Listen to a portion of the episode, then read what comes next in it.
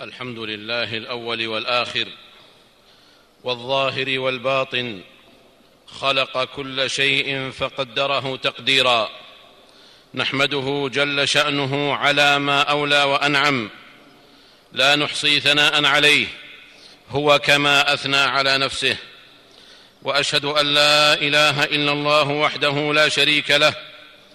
وأشهد أن محمدا عبد الله ورسوله. سيد الأولين والآخرين وإمام الغر المحجلين. تركنا على المحجة البيضاء ليلها كنهارها لا يزيغ عنها إلا هالك. فصلوات الله وسلامه عليه وعلى آل بيته الطيبين الطاهرين وعلى أزواجه أمهات المؤمنين.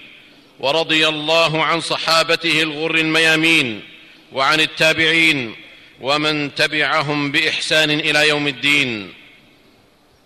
أما بعد فاتقوا الله عباد الله واعلموا أن هذه الدنيا دار ممر لا دار مقر وأن الله مستخلفكم فيها فينظر كيف تعملون. فمن اتقى وأصلح فلا خوف عليهم ولا هم يحزنون. أيها المسلمون إن من أعظم ما يزين المرء في حياته دينه وعقله اللذين أكرمه الله بهما وفضله على كثير ممن خلق تفضيلا. فبالدين يرتفع عما يغضب الله ويسخطه من معايب الأخلاق وسفسافها وبالعقل يزم نفسه عن كل ما يشين تصرفاته وقراراته. التي تثلم صفة الأناه والرزانة ووعي مقدمات الأمور وعواقبها. ومن المقرر عباد الله أن ترادف الأحداث وتقلب الأمور بالضوائق والعوالق وتعقد حبالها ليس لها بعد حفظ الله وتوفيقه ليس لها بعد حفظ الله وتوفيقه إلا التأني وإعمال الفكر في المقدمات والعواقب. وفيما ينبغي الإقدام عليه أو الإحجام عنه. وإن عدو ذلكم كله ومرضه الذي ينخر في عقل المرء فلا يجلب له إلا المعرة والعود بالألم فيما يطلب منه السلامة والإثم فيما يطلب منه الأجر هو ما يسمى بالمجازفة. هو ما يسمى بالمجازفة أو المغامرة أو التهور أو المخاطرة أو الإلقاء باليد إلى التهلكة. إذ كلها تدور حول معنى واحد هو الإقدام هو الإقدام على الأشياء جزافا دون روية أو تمحيص بل بإفراط يستنكره أوساط العقلاء من الناس لمخالفته القدرة على الصبر والأناة والحلم والحكمة وال والحكمة والفطنة.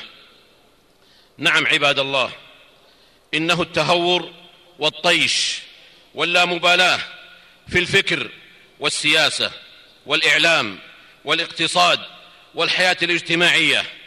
إنها المجازفة في المدح الذي يعمي صاحبه الذي يعمي صاحبه عن العيب أو الذم الذي يقتل الإنصاف فيقلب الحسنات سيئات. نعم إنها المجازفة والمخاطرة التي تجعل لسان المرء وفعله متقدمين على قلبه وعقله فيقع بسببهما في محاذير يصعب التخلص منها ايا كانت حسية أو معنوية. بصورة لا ينفع معها تلفيق ولا يجدي فتوقها رتوق. ولله ولله كم من لسان تهور فاحتاج بعد ذلك إلى اعتذارات طويلة فاحتاج بعد ذلك إلى اعتذارات طويلة لا يجدي كثير منها بعد فوات الأوان. وقد صدق رسول الله صلى الله عليه وسلم حيث قال ولا تكلم بكلام تعتذر منه غدا. رواه أحمد وابن ماجه. إن المجازفة إن المجازفة والتهور وأضرابهما لا تحتمل إلا وجها واحدا.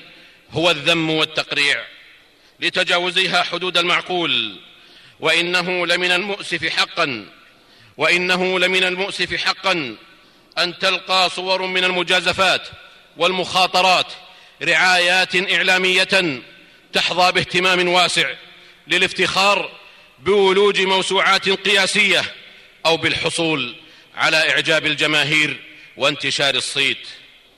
وكم, وكم هم ضحايا تلكم التطلعات من الذين لقوا حتفهم في سبيل الوصول إليها فحيل بينهم وبين ما يشتهون. بعد أن ضربوا صورا من الطيش اللامسؤول بمركباتهم بسرعة قاتلة بالسرعة القاتلة أو التلاعب والتفنن بمغامرات بهلوانية ملقية إلى التهلكة. ناهيكم عباد الله عن المغامرة. بحقوق الآخرين في أموالهم وأعمالهم. فكم من مغامر أخذ أموال الناس متهورا باستثمارها فيما ليس من تخصصه أو قدرته في ورد ولا صدر ولا هو من بابته. أغرى من خلاله من وثقوا به بمكاسب تسيل لها جيوب ذوي الأموال فطاشت أموالهم بطيش عقله وتهور ذمته. ولا عجب عباد الله فإن المجازفة بالشيء عن جهل هو كالعلم به. وقد قال النبي صلى الله عليه وسلم من أخذ أموال الناس يريد أداءها أدى الله عنه ومن أخذها يريد إتلافها أتلفه الله. رواه البخاري. إن من أدواء المجتمعات عباد الله أن تكون الأسرة أسيرة التعلق بالمظاهر والتلبس بغير لبوسها فتغامر في تصنع بعض العوائد الاجتماعية التي تعود عليها بالحمالات المالية والأعباء الحقوقية لأجل أن يقال عنها كذا وكذا. فكم هي مجازفات الولائم؟ فكم هي مجازفات الولائم والأفراح والبذخ؟ وكم هم الذين يقعون ضحايا لتلكم العوائد التي ضرت ولم تنفع؟ فركبت غير مركبها واتكأت على غير متكئها فكان من عواقبها الديون والطلاق والخلافات الأسرية فضلا عن إثم الإسراف والتبذير والبطر. وحدثوا عن مثل ذلكم ولا حرج. وإن من أقبح صور المجازفات عباد الله وإن من أقبح صور المجازفات عباد الله ما كان منها متعلقا بكرامة الآخرين وحقوقهم من خلال الاسترسال بسوء الظن تجاههم أو اتهام النيات التي لا يعلمها إلا الذي يعلم السر وأخفى فيلقون التهم فيلقون التهم نحوهم جزافا دون بينة ولا إقامة حجة. يظهر من خلالها ابتذال اللسان وكثرة السلق به. واللامبالاة بحقوق المسلم تجاه أخيه. وإن مثل ذلكم الاسترسال كفيل عباد الله بالزج بصاحبه في الغلو المردي والتشدد المقيت ليقع في فخ التضليل والتكفير بمجازفة تعميه عن تحقيق شروطه وانتفاء موانعه. وما أكثر الذين ولجوا هذا الباب المهلك في حين لو سألت أحدهم عن عدة المطلقة أو قدر زكاة سبعين من الإبل أو عشر من البقر لم يحر جوابا بل وأعجب من ذلكم أن يجازف بالتكفير من لا يعرف شروط الدخول في الإسلام. أن يجازف بالتكفير من لا يعرف شروط الدخول في الإسلام أصلا. وذلك لعمر الله من اقسى البلايا. ويا لله العجب كيف يعرض المجازف نفسه إلى تكفير نفسه؟ لأنه إن لم يقع التكفير موقعه عاد على صاحبه فقد قال النبي صلى الله عليه وسلم أيما رجل قال لأخيه يا كافر فقد باء بها أحدهما. متفق عليه.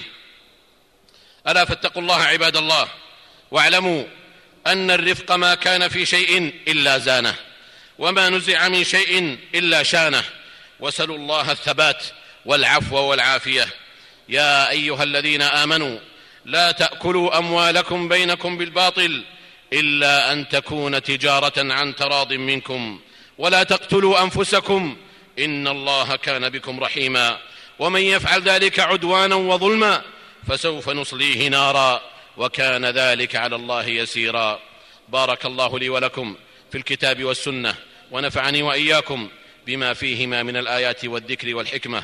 قد قلت ما قلت إن صوابا فمن الله وإن خطأ فمن نفسي والشيطان. وأستغفر الله لي ولكم ولسائر المسلمين والمسلمات من كل ذنب وخطيئة فاستغفروه وتوبوا إليه. إن ربي كان غفورا رحيما. الحمد لله على إحسانه والشكر له على توفيقه وامتنانه. وبعد فاتقوا الله عباد الله واعلموا أن أحسن الحديث كتاب الله وخير الهدي هدي محمد صلى الله عليه وسلم وشر الأمور محدثاتها وكل محدثة بدعة وعليكم بجماعة المسلمين فإن يد الله على الجماعة ومن شذ عنهم شذ في النار. ثم اعلموا يا رحمكم الله أن الإسلام حين منع التهور والمجازفة فإنه قد فرق بينهما وبين الحزم والعزم. فإن ثمة أمورا لا يصلح معها البطء ولا التباطؤ وإن الحزم فيها والعزم لا يعدان مجازفة ولا تهورا بل هو إنزال للأمور منازلها. وما قتال أبي بكر الصديق رضي الله عنه للمرتدين إلا من هذا الباب. رادا بذلكم على من ظن أن قتالهم هو المجازفة والمغامرة. إن الأمور الواضحات عباد الله لا يصلح لها إلا حزم وعزم لا يقبلان التأجيل ولا التسويف.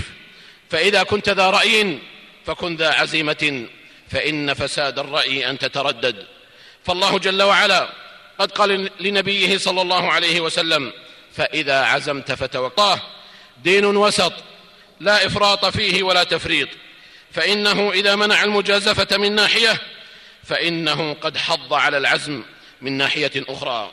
وإذا ذم العجلة في أمور كثيرة فإنه قد حض عليها. في بعض الأمور التي لا يسع تأخيرها أو التواني عنها وربما كانت المجازفة متمثلة في ترك الحزم ذاته. والعاقل هو من يدرك ما لهذا وما لتلك.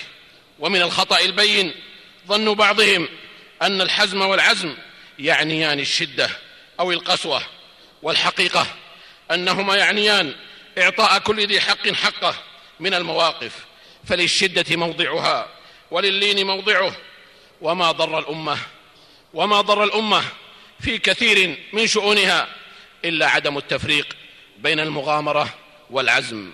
فوضعت التراخي موضع العزم ووضعت المجازفة موضع التراخي فأخطأت تقديراتها فأخطأت تقديراتها حتى كثرت أخطاؤها وترادفت حلقات خسائرها فاضطرت إلى رتوق باهظة لتغطية فتوقها. وإن في الأيام والأحداث لعبرا وعظات والسعيد من وعظ بغيره والسعيد من وعظ بغيره فقادته فطنته بعد توفيق الله إلى سواء الصراط. والله يهدي من يشاء إلى صراط مستقيم. هذا وصلوا رحمكم الله على خير البرية وأزكى البشرية. محمد بن عبد الله صاحب الحوض والشفاعة. فقد أمركم الله بأمر قد بدأ فيه بنفسه وثنى بملائكته المسبحة بقدسه وايه بكم أيها المؤمنون فقال جل وعلا يا أيها الذين آمنوا صلوا عليه وسلموا تسليما. اللهم صل وسلم على عبدك ورسولك محمد صاحب الوجه الأنور والجبين الأزهر.